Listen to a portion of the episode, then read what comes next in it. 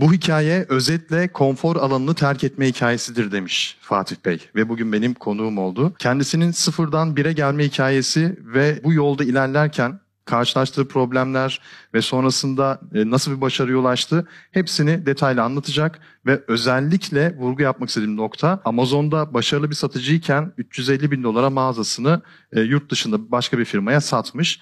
E, öncelikle Fatih'in hikayesini dinleyelim, kendisini yakından tanıyalım. Hoş geldin Fatih. Hoş bulduk.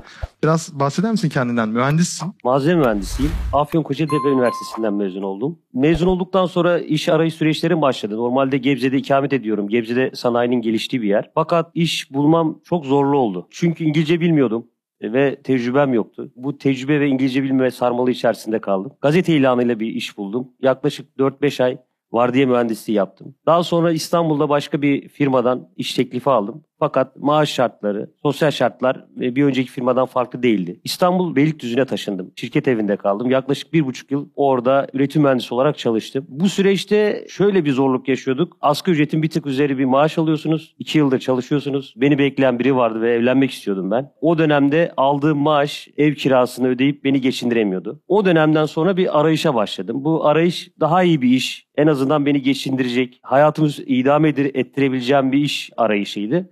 Fakat burada karşıma İngilizce çıktı. Ya İngilizce bilmiyorduk. 6 yıl okul okumuşum. Şu anda şöyle düşünüyorum. Bir insan 6 yılda e, iki dil çok rahatlıkla öğrenebilir. Çünkü internet çağında e, YouTube'u veya başka programları kullanarak da İngilizce öğrenebilirdim veya bir başka dil de öğrenebilirdim. E, fakat yapmadık. Yani her öğrenci gibi mezun olana kadar kendimi geliştirme adına. Şu an nasıl İngilizce e, Şöyle bir durum var. Şu anda hem İngilizce hem Portekizce konuşuyorum.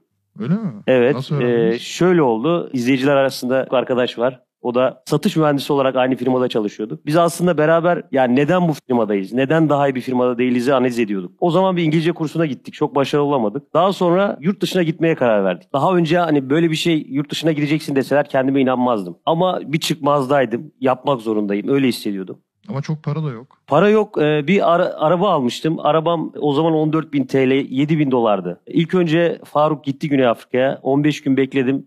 Aradım Faruk'u. Faruk hala yaşıyordu.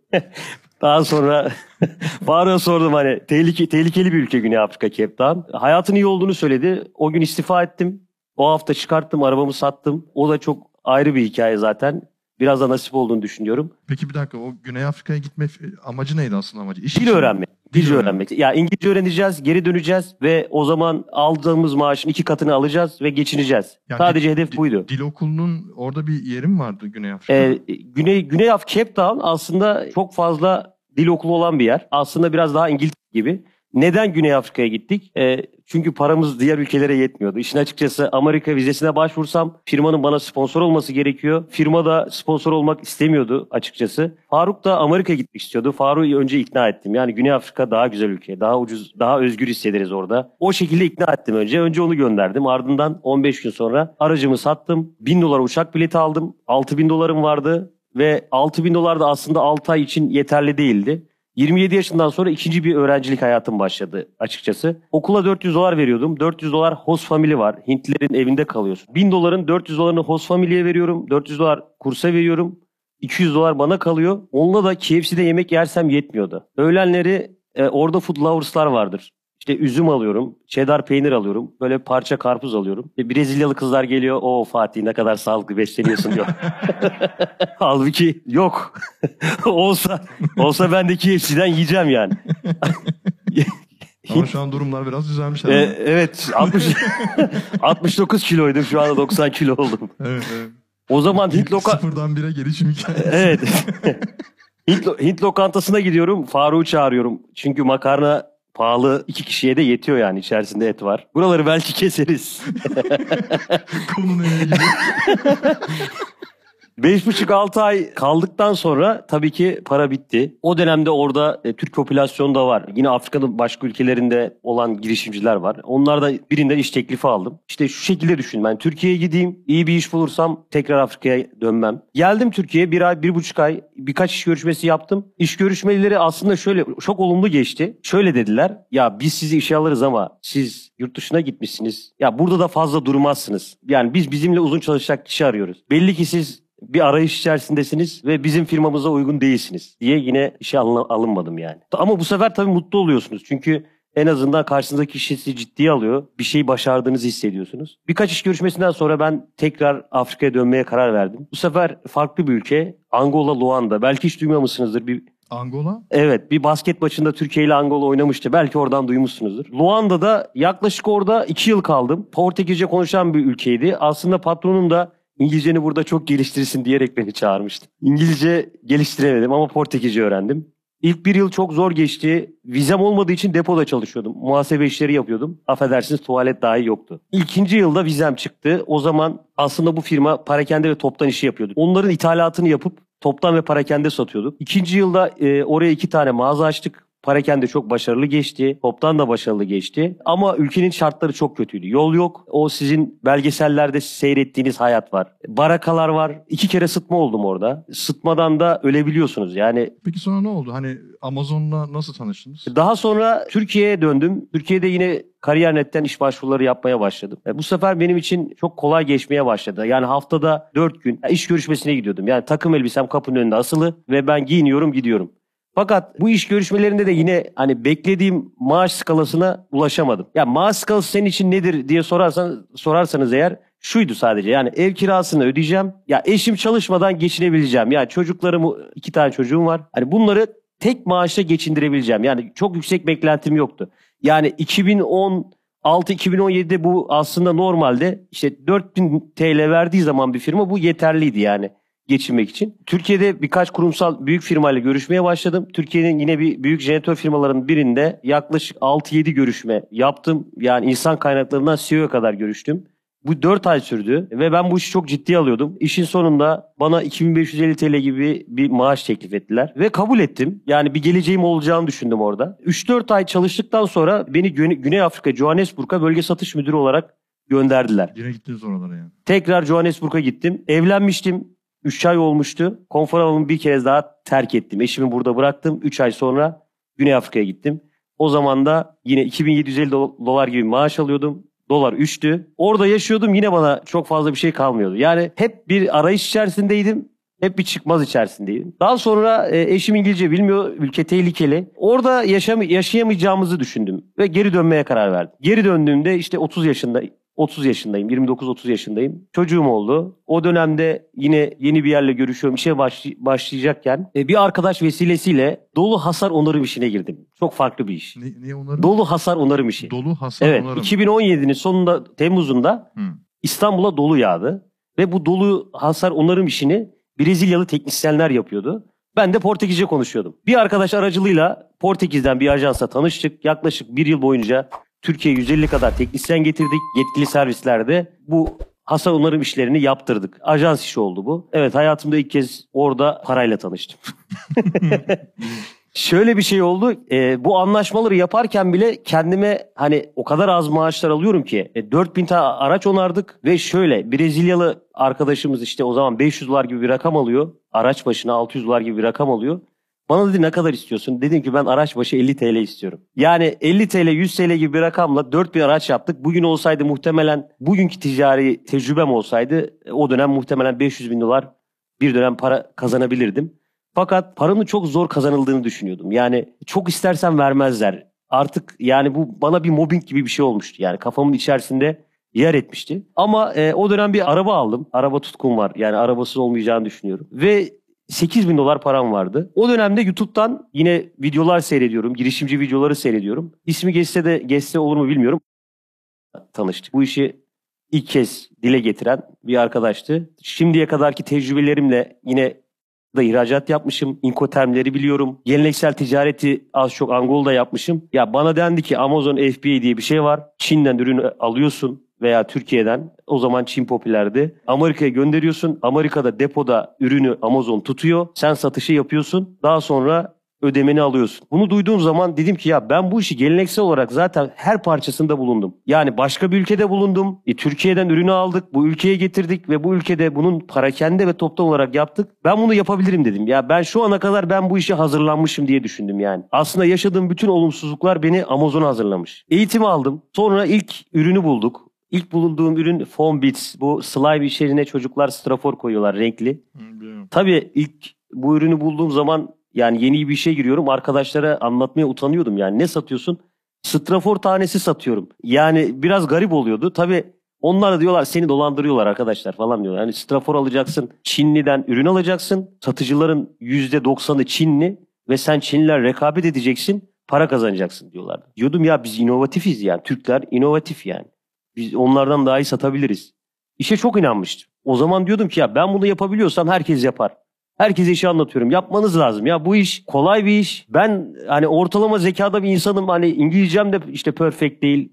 Hani bir şeyler yapmaya çalışıyorum ama şimdiye kadar e, İnterneti sadece Google'dan haberlere bakmak için kullanmışım. Aslında yazılım altyapım yok. Hiçbir şey de yok yani. O dönem e, günlerce video seyrettim. Hani bu iş nasıl olur diye. Eşim artık dedi ki ya şu bilgisayarı kapatır mısın? Çünkü dedi bu adamın sesini artık duymak istemiyorum. Neden izlediğini de bilmiyorum dedi. Eşime de anlatamıyorum işi. Yani o da işe inanmıyor. Tabii o dönemde Amazon'a başlama sürecinde şöyle düşündüm. Dedim ki benim 8 bin dolarım var. Bana bu bir yıl yeter. Ben bir yıl bu işi deneyeceğim. Olmazsa iki dil biliyorum. Mühendisim. Türkiye'de Portekizce bilen mühendis yok yani o derece derece. Ben yine tekrar kurumsal hayata başlarım yapacak bir şey yok dedim. O dönem şu telkinleri aldım. Ya senin işte iki çocuğun var. Sen kariyerini yarıda bırakıyorsun. Bırakmam. Böyle bir işe girme. Sen kariyerine devam etmelisin. Ama ben artık kafaya takmıştım. Yani işe çok inanıyordum. O dönemde e, ilk 5-6 ay iyi satış yaptım. Biz de o dönemde tabii Facebook... Strafor parçaları. Evet Strafor parçalarını 6-7 ay sattım. O dönemde Facebook grupları çok aktifti. Birbirimize çok yardımcı oluyorduk. Birbirimize tabii şöyle yardımcı olduk. Birbirimizden yorum almaya başladık. Amazon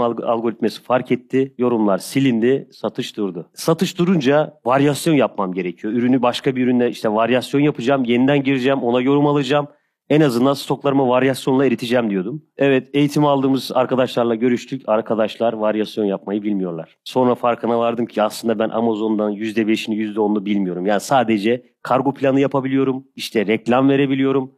O zaman da şöyle bir şey söyleniyor. İşte bir marka gibi görünün fiyatlarınızı kesinlikle aşağı düşmeyin. Buna benzer sürekli telkinler alıyoruz. E ben baktım ki ürünü satamıyorum. Ürünün fiyatını işte 13 dolara satıyordum. 7 dolara çektim. Ürün günlük 30 tane satmaya başladı. Sonra tekrar 13 dolara çıkarttım. Yine 30 tane satıyor. Sonra anladım ki indekslenme diye bir kavram varmış. İşte o dönemde e, bu satışlar aslında yorumlardan sonra çok kötü gitmeye başladı. Bir dönüm noktası daha oldu benim için. Yeniden eğitim almam lazımdı. Ama ilk aldığım eğitim yeterli değildi. O zaman da eğitime 800 dolar gibi ücret veriyorduk. Ve ben aslında direndim eğitim almayı eğitim almaya. Yani iyi turadan eğitim almak istiyordum ama 800 doları da vermek istemiyordum açıkçası. O dönemde ya bu işe devam edeceğim dedim ya da eğitimi alacağım, devam etmeyeceğim ya da bu eğitimi alacağım dedim. Eğitimi aldıktan sonra e, açıkçası hayatım değişti. Çünkü yani marka olmayı, kapak sayfasına resim seçmeyi bile Pickfu üzerinden yapman gerekiyor. İşte müş ben çok hoşlanıyorum, resim çok güzel diyorum fakat e, Amerika'daki müşteri kitlesi senin kapak resminden hoşlanacak mı? O ürüne en azından yorumun yoktur. İşte ürünü ilk lansmanını yapıyorsun. Ürünü satın alması için ne yapman lazım? Biz bu detayları çok fazla düşünmüyorduk işin açıkçası. Burada yıl 2019 civarı. Evet artık 2018 2018 bitiyor 2019 başlıyordu. Peki bu yani satmaya karar verdiniz sonuçta. Bu projeyi bir yere sattınız, yurt dışına bir yere sattınız. Evet. Ee, o kısma biraz daha yaklaşmak istiyorum da. E, Hızlı bir geçiş yapacağım. Zaten burası 1-2 dakika sürecek zaten. Tamam. E, o dönemde işte eğitimi aldıktan sonra aslında Amazon'un biraz daha yapısını anlamaya başladım. Detaylı eğitim aldıktan sonra.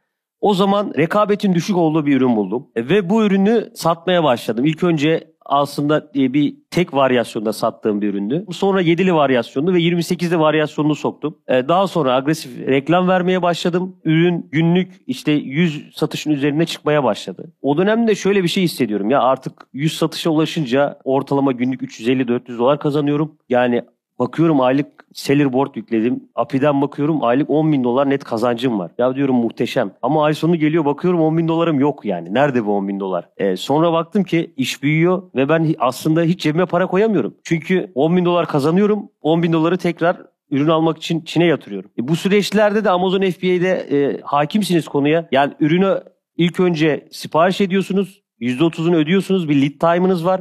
2-3 haftada üretiliyor. Daha sonra tam ödemesini yapıyorsunuz. Bir ay gemi kargo sürüyor. Bir ay satışı sürüyor. Ödemeyi almanız ondan 25 gün sonra yaklaşık bu süreç 3,5 ayı alıyor. E böyle olunca bir baktım aylık 30-35 bin dolarlık artık order veriyorum Çin'den. Ama cebimde hiç para yok. Parayı hiç realize edemedim. Süreç böyle ilerlerken pandemi dönemi girdi. Pandemi dönemi de yine Çin'de bir kapanma oldu. Daha sonra transport süreleri Amerika'daki liman problemlerinden dolayı iki aya çıktı. Ve o dönemde aslında ben de biraz acaba bu işi Hani nasıl yapacağım? Ya bir yatırım alacağım ya da yani bir çözüm arıyordum. O dönem yine networklerimden bana şu ana kadar yani mentörlük etmiş çok yardımcı olan Yaşar Tavşancı markayı satma fikrini verdi. Yani bu markayı dedi satabilirsin. Nereden satabiliriz diye araştırmaya başladım. Sonra baktım ki bazı rüyalar ancak Amerika'da gerçekleşiyor. Yani Türkiye'de bir firma kurup belli bir ciroya da gelseniz, sizin bilançoyu da gösterseniz kimse iki hafta içerisinde sizin markanıza talip olmaz. Bu ancak Amerika'da olur. Bunu nasıl keşfettim? Orada 3-4 tane broker firmaları var. Aynı bizdeki sahibinden com gibi. Orada firmanızı satmak istiyorsunuz. Firmanıza bir API yüklüyorlar. Yıllık bilançoya bakıyorlar. Firmada size soruyorlar ki işte ürünü kaça mal ediyorsunuz? Ürün maliyetlerine giriyorsunuz. Yıllık ortalama satışlarına bakıyorlar. ivmeye bakıyorlar. Bu analizi size 3 gün içerisinde yapıyorlar. Yaptıktan sonra da diyorlar ki sizin firmanızı biz bir değerleme yapıyoruz. Sizin firmanız aylık kazancının 40 katı, 42 katı veya 50-55 katına kadar marka birliğine göre bir değerleme yapıp bir değer biçiyorlar size. Siz eğer kabul ediyorsanız diyorsunuz ki ben bu rakama firmamı satmaya razıyım. E, ben de o dönemde bir firmanın komisyonları daha düşüktü. Çünkü bu brokerlar da satışı yaptığı anda sizden bir komisyon alıyor. Philip Empires var bunların en ünlüleri. %15 gibi bir komisyon alıyor. Quit Light diye başka bir firma buldum. Ama o dönemde yaklaşık 20 firmaya mail attım. Ve bazı firmalardan çok ilginç cevaplar aldım. Firma sizi satın almak istiyor ama diyor ki ya yıllık cironuz minimum 1 milyon dolar olmalı. 1 milyon doları geçerse biz hemen talip olup sizin firmanızı alabiliriz. Benim de firmam yıllık maksimum 700 bin dolar ciro yapmıştı. O 3 yıllık süreçte şu şekilde gerçekleşti. İlk yıl 160 bin dolar, daha sonraki yıl 420 bin dolar. Son satmadan önceki cirom 720 bin dolarlık bir rakamdı. Tabii benim için bu bir rüyaydı yani. Çünkü ya 4 bin lira maaşa razısınız ama sonunda geliyor bir firma kuruyorsunuz. Cebinizde sadece 8 bin dolarınız var ve bu 8 bin dolar aslında bütün paranız sizin. Yani 8 bin doların 800 dolarıyla işe başlamışız. Yani onda biriyle işe başlamışım. İş büyürse bu 8 bin doların içerisinden de birer parça kullanırım diyorum. Ki öyle bir an geldi ki 8 bin doların hepsini kullandım. Hiçbir param kalmadı. Daha sonra işte Amazon'dan para beklemeye başladım ve onu tekrar işe yatırdım. O şekilde devam eden bir süreç oldu. O kısmı toparlayayım tekrar. 10-15 tane firmaya mail atıyorum. Onlardan işte olumlu olumsuz cevaplar aldım. Bir firma değerleme yapmak istedi. Quitlight firması. Değerlemeyi yaptılar. Mağazama 380 bin dolar değer biçtiler. Daha sonra tamam dedim ben. 80 bin dolar müthiş paraydı benim için. En azından realize olmuş. Realize olacaktı. Çünkü evet. şöyle bir şey var. Hani arabam vardı. Hala arabam var. Bir ev alacağım. Evi alsam yani diyorum ki işte zorlanırım. Almayayım. Evi de biraz hanımın zoruyla o dönem aldım. İyi ki almışım çünkü şu anda bile bir anlamı yok yani o rakamın. Çünkü Aralık'ta iyi bir rakamdı. Yani 300-350 bin dolar Aralık'ta çok iyi rakamdı. Şu anda bile artık bir ev parasına düştü maalesef. Kabul ettim. İki hafta içerisinde teklif geldi. Genellikle teklifler %10 altına gelir. 340 bin dolar teklif geldi. 340 bin doları kabul ettim. Tabii heyecanlı bir süreç. Yaklaşık 3 hafta 4 hafta işte Amazon hesabı da bu arada şahsi hesap. Yani bir firma da yok yani. Devredecek. Sadece hesabı devredeceğim. O dönemde işte inventory'yi 90 gün sonra ödeyeceğiz dediler.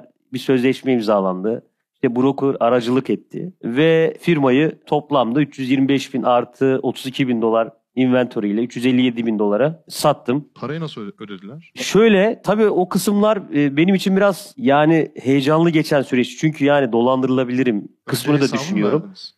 Öyle bir şey yapmadık. E, orada şöyle emanet diye bir durum var. Emanet hesap diye bir durum var. Sizin ilk önce anlaşmaları bir emanet firmasına gönderiyorsunuz ve bu firma sizin parayı tutuyor. Aslında yani sizden ve alıcıdan bağımsız bir yerde para duruyor. Siz oraya işte 500 dolar gibi bir ödeme yapıyorsunuz. Onlar anlaşma bittikten sonra transferi size yapıyorlar. Yani aslında çok güvenli bir alışveriş oluyor. Ama bu tecrübe olmadığı için biz o zaman acaba bir şey olacak mı diye düşündük. Bu kısımda e, benim ilgimi çeken şey şu oldu. Firmayı ben aslında İsrail yani İsrail olduğunu düşündüğüm Yahudi çünkü bir firmaya sattım. İlginç kısım şu firma benim firmamı %90'ını kredi çekerek aldı. Yani orada bir kredi kuruluşuna benim mağazamı gösterdi. Onlar yine bir API yüklediler. Mağazanın son 2 yıllık geçmişine baktılar ve biz bu firmaya kredi veririz dediler. 287 bin dolarını kredi firması emanete gönderdi. Kalanını alan firma gönderdi ve Amerika'da faizler %3, %4 olduğunu düşünürsek yılda yani çok ucuz bir rakama sadece kendi kredi notlarıyla benim firmamı almış oldular. Hazır bir işi almış oldular. Onlar size parayı nasıl gönderdi? Türkiye'ye Onla, gönderdi. O şöyle oldu. Emanet olan firmaya attılar. Sonra işte biz anlaşmalarımızı tamamladık. Ben hesabı o dönemde işte devrettim. Hesap devretme şu şekilde oldu. E, Fatih Durun adında bir LLC kurdular benim adıma ama firmanın sahibi onlar. Daha sonra Amazon'dan hesaptan parça parça kontak numaralarını, mail adreslerini, Güncel. LLC li- e, liability'leri falan güncellediler. Herhangi bir sorun yaşanmadı. Sonra işte satış gerçekleşti diye onayladılar. Banka hesabına para geldi. Hesabı gördüğümde hesabın patlayacağını düşündüm. Yani Şunu da merak ediyorum aslında ben bir yandan. Mesela bu videoyu şu ana kadar izlemiş olan kişiler e, YouTube'da e, konuya hakim olmuş olan insanlar diye düşünüyorum. Yani sizin hikayenize hakim olmuş olan insanlar. Ve benzeri şekilde Amazon'da da ticaret yapan insanlar olduğunu düşünüyorum. Onlar ne yapıyor mesela? Onlar e, Türkiye'ye parayı nasıl getiriyor? Nasıl muhasebeleştiriyor? Vergisini nasıl ödüyor? Ya da ödemiyor mu? Ya da sizin gibi varlık barışınla mı hallediyor? Onu merak ediyorum. Onu yorumlar kısmına yazarsa izleyenler bir okuyalım beraber. Ben de e, Türkiye'deki durumu çok merak ediyorum gerçekten. Ha ben nasıl yapıyorum? Ben e, açıkçası Amerika'da yaptığım satışın vergisi Amerika'da ödeniyor. Para Amerika'da kalıyor. E, malı Türkiye şirketi Amerika şirketime sattığı için kestiği fatura ne kadar? Atıyorum 10 bin dolar Türk şirketinin. Dolayısıyla Amerika şirketi de o kadar para gönderiyor Türkiye şirketine ve o muhasebeleştiği için de ve kati ihracat olduğu için de Türkiye'de vergisi ödenmiş oluyor. Yani Türkiye'de KDV ödemiyorsunuz sadece E, ama gelir vergisi ödeniyor, ödeniyor elbette. Ya bizim o muhasebesel işler biraz şey tabii ben çok e, uzman değilim o konuda. Hep bizim muhasebeci bu işleri hallediyor ama özellikle Türkiye'de bu işi yapanlar, e-ticaret yapanlar, uluslararası ticaret yapanlar nasıl ödüyor vergilerini, ne yapıyorlar? aynı sizin söylediğiniz şekilde yapıyorum. Yani buradan oradaki bir firmaya ihracat yapıyorum. O firmadan ödemeler geliyor. Oradaki ödeme orada da yani Amazon ödemeleri o firmaya gidiyor. Yani bu şekilde yapıyor. Sizin yaptığınız yöntem Türkiye'den yapanlar için doğru bir yöntem. Evet, Ama Çin'den yapanlar için kime sorsam çok farklı cevaplar veriyor. evet işte ben onu merak ediyorum. Bakalım ne diyecek izleyenler. Yani e, o kısımda ben genellikle şunu tercih ediyorum. Türkiye'de paraya ihtiyacım olmadığım için paramı Payoneer'de tutmaya devam ediyorum yani. Şu an peki 350 bin dolara sattınız orayı. Evet. Şey, mağazayı. Evet. E, E-ticaret hikayeniz bitti aslında Amazon'da. Bitmedi. Şöyle yeniden iki tane e, iki mağaza yönetiyorum. Üç tane marka kurdum. Yeni bir hedefim var. Yeni bir ma yani yeni bir markayı 2 milyon dolara satmak istiyorum. Güzel gidiyor mu? Şu anda tohumlama dönemi de- diyebiliriz. Çünkü Türkiye'nin şöyle bir zorluğu var. Yani dünyada yenilik ilk önce Çin'de çıkıyor. Yani Türkiye'ye gelene kadar yaklaşık 2 yıl geçiyor. Türkiye'de yeni bir şey üretmek istiyorsanız doğru üreticiyi bulmanız gerekiyor. Doğru üreticiyi buldunuz, yeniden ürünü tasarladınız, kalıpları yapıldı, ürün çıkacak. Bu süreç maalesef e, çok uzun sürüyor. Yani Türkiye'de ben şu anda 4 ayrı grafikerle çalışıyorum. Hala yapılan tasarımları be- beğenemiyorum. Veya e, doğru ücrete doğru tasarım yaptıramıyorum. Üretimde yine doğru rakama doğru üretim yaptıramıyorum. Şu anda bir ürün yaptırıyorum. E, metal kalıbını yaptırdım sorun yaşamadım. Ya ürünü boyattıracağım toz boya yaptıracağım. Bir yerden 1 lira 25 kuruş fiyat alıyorum. Başka bir yerden 5 lira fiyat alıyorum. Yani birbiriyle çok farklı fiyatlar, çok farklı kalite. Ben yaklaşık yani 4 aydır Türkiye'de üretimle boğuşuyorum. Ya Çin'den böyle bir durum yoktu. Ya Ali Baba'dan baktın, e, işte fiyatı gördün, Çinli kontağım var. İşte lokalden fiyat araştırması yapıyorum çünkü orada da Ali Baba'dan ürün aldığınız zaman kesinlikle fiyatını almıyorsunuz. Yani %40 pahalı alıyorsunuz Ali Baba'dan. Yani ürünü lokalde daha ucuza bulabiliyorsunuz. İşte plastik nerede üretiliyor? Yivu'da üretiliyor. Sizin Yivu'dan lokalden bulmanız lazım yani. O üretici kimdir bulmanız lazım.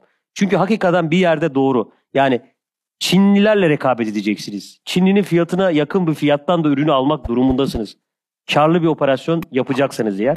Bu arada mağazamın ürünümün karlılık oranı da minimum %30 %130 ile %200 arasındaydı. Sezon geldiği zaman %200 kar eden bir üründü. 1.25 dolara mal ettiğim üründen Brütte Amazon'dan şu anda bile 4,5 dolar 5 dolar kalıyor. Öyle bir üründü. Diğer varyasyonlarında daha yüksek rakamlar kalıyordu. Şöyle Brütte %100 kar ettiğiniz bir ürün ilk 6 ayda kesinlikle size %30'dan fazla kar ettirmiyor. Investment bedeline göre. Çünkü çok ciddi bir reklam harcamanız lazım. Aslında Amazon'da işler biraz daha zorlaştı şu açıdan. Önceden yorum alıyordunuz, giveaway yapıyordunuz. Fakat şu anda Amazon algoritması bunları zorlaştırdı. Yani giveaway yapabiliyorsunuz ama yorum alamıyorsunuz. Mağazanızı suspend ediyor. Çinliler bunu yorum birleştirme, bileket yöntemleri kullanıyorlardı. Amazon artık yorumsuz listeleri de eğer ciddi reklam bütçesi ayırdıysanız sizi ilk sayfalara getirebiliyor. Önceden yorumla çok rahat geliyordunuz. Şu anda yorumla değil sıfır listelere daha çok öncelik tanıyor. Tabii bu yaklaşık işte bir 4 haftalık bir süreç var. Bu süreçte eğer ürününüz başarılıysa tutundurabiliyorsanız gerisi geliyor. Fakat Amazon FBA'de şöyle bir şey var. Bir ürünle ilgili plan yapıyorsanız çok uzun vadeli plan yapmanız lazım. Yani e, ürüne girdiniz, ürünün size geri dönüşü 9. ayda başlıyor. Yani ürünü başladınız, hazırlık süreci geçti, Ürün depoya indi. Mesela insanların çok düşünmediği şeyler. Ürün depoya iniyor diyor ki benim 3000 ürün var satılmıyor. Yani 60 tane Amazon'da depo var. Ürün geliyor Amazon'daki depolara dağılıyor. Dağıldıktan sonra sizin için aslında birçok eyalette available olmaya ilk sayfalara gelmeye başlıyorsunuz. Kaliforniya'da ilk sayfada olabilirsiniz ama New Jersey'de ürününüz daha available olmadığı için Amazon sizi göstermiyor bile. E, onun için ciddi stok tutmanız gerekiyor. Yani ben 100 adet gönderdim. Ya ürün çok niştir. Hemen satarsınız. Ama o ürünü en az 2000 tane göndermeniz gerekiyor ki 60 depoya bölündüğü zaman her birinde en azından işte 30'ar adet 40'ar adet Stok ürünü stoğunuz olsun. Ben çok teşekkür ederim Fatih Bey. Çok güzel bir hikaye dinledik. Geçmişinizde bu işe nasıl başladınız, sıfır noktasından bu noktaya kadar nasıl geldiniz? Bence çok etkileyiciydi. Ben çok hoşuma gitti açıkçası. Sonrasında da finalde de çok değerli teknik bilgiler verdiniz. O, bir, o da bir eğitim gibiydi. Çok teşekkür ediyorum. Başka eklemek istediğiniz bir şey var mı son Ee, olarak? ya aslında buraya çıkmamın sebebi hani istifade ettiren fikirler. Yani ismi ben, benim için çok değerli. Ben şu şekilde görüyorum. Zor zamanlardan geçtim ve hakikaten gerekli zamanı ayıran bir işe bu işi yapar. Yani ben sadece onunla ilgili olduğunu istiyorum. Yani konfor alanınızı terk edin, işe gerekli vakti ayırın. Yani son zamanlarda tabii ki eviniz oluyor, arabanız değişiyor, hayatınızda değişiklikler olunca insanlar soruyor hani hani ne yapıyorsun sen? İşte Amazon yapıyorum, biz de yapalım. Diyorum ki ya ilk önce bir minimum 300 ila 500 saat arasında video seyretmeniz gerekiyor. Kimi izleyelim? İşte tavsiye veriyorum. Bunları izleyin. Ben size yardım edeceğim. Giden arkadaşlar bir daha geri gelmiyor. Yani çok kolay bir şey var. Yani açacaksın, izleyeceksin. Evet. Çünkü bu şu anda bugün hani ben personel bulmakta bile zorluk yaşıyorum. Üç kişi çalıştırdım şimdiye kadar. E, iki ay sürüyor süreçler. Ya insanlar emek harcamak istemiyorlar. Yani çok kolay. Yani ansiklopedi açıp bakmayacaksınız. Yani YouTube'dan açacaksın. Sıralı olarak bunları izleyeceksin. Çünkü şu anda ben sana başla desem senin o tecrübeyi edinmek için ben 1 milyon 2 milyon TL belki yani bu arada tabii tutan ürünlerimi anlatıyorum. Yani bunun içerisinde yine tutmayan 6-7 tane ürünüm var. Yeniden başladığım halde tutundurmayla uğraştığım ürünlerim var. Ben şu anda hemen baş yani ilk başladığım zaman tecrübesizdim. Herkese başlayın diyordum. Ama bugün diyorum ki ya ben bu tecrübeyi tecrübe edinmişlerden edinin. Ya Tuger Bey'i izleyin, batış hikayesini izleyin, çıkış hikayesini izleyin. Siz yani bu işte hani avantajlarını dezavantajlarını iyi bir şekilde öğrenin. Daha sonra gelin yardımcı olayım. Fakat hiç dönüş yok. İnsanlar gidiyor, izlemiyorlar, sıkılıyorlar. Ya ben bunu yapamayıp deyip bırakıyorlar. Ben de arkadaşlara diyorum ki ya çok değerli arkadaşlarım var. Biliyorum yani yazılımda çok iyiler. Bilgisayarla benden daha çok haşır neşirler. Benim bilgisayar haşır neşirliğim Amazon'dan sonra başlıyor. Ondan öncesi yok yani. Bir advertising nedir? İşte Google Trend'den yani benim mesela şey, şey çok heyecanlandırmıştı. İşte Google Trend'den bir şey yazıyorsunuz. işte bardak yazıyorsunuz İngilizce. Dünyanın neresinde, hangi bölgede, hangi şehirde en çok bardak aranıyor bilebiliyorsunuz. Yani bunu normalde işte Facebook reklamıyla, Instagram reklamıyla satış yapan herkes bilir. Ya bunu dahi bilmiyordum. Yani sıfır bilgi. Ya sıfır bilgiden iş durum buraya geldiyse bunun ben kesinlikle hani izlemek, çalışmak, tecrübe edilenleri takip etmek ve network oluşturmak olduğunu düşünüyorum. Evet. Peki çok teşekkür ederim. Ağzınıza sağlık. Çok keyifli oldu gerçekten de. Evet Fatih Bey'i dinledik. Çok da bilgi edindik gerçekten de. Seyircilerimiz de burada. Birazdan Fatih Bey sorular da soracaklar soruları varsa eğer. Siz de seyirci olarak buraya katılabilirsiniz. Ee, yapmanız gereken şey videonun altındaki o e, biletix ile ilgili bir link var. Oraya tıklamak. Oradan alıp buraya gelebilirsiniz. Konuk olabilirsiniz Fatih Bey gibi. Yine bir formumuz var. O formu tıklayarak hikayenizde kendinizden bahsedebilirsiniz. Sadece e-ticaret olması gerekmiyor. Normal hikayenizden işte girişim hikayeniz, beyaz yaka girişimleriniz vesaire herhangi bir şey olabilir. Önemli değil. Yazın sadece. Biz okuyalım. E, duruma göre sizi davet edebiliriz buraya. Çok teşekkürler. Kendinize iyi bakın. Hoşçakalın.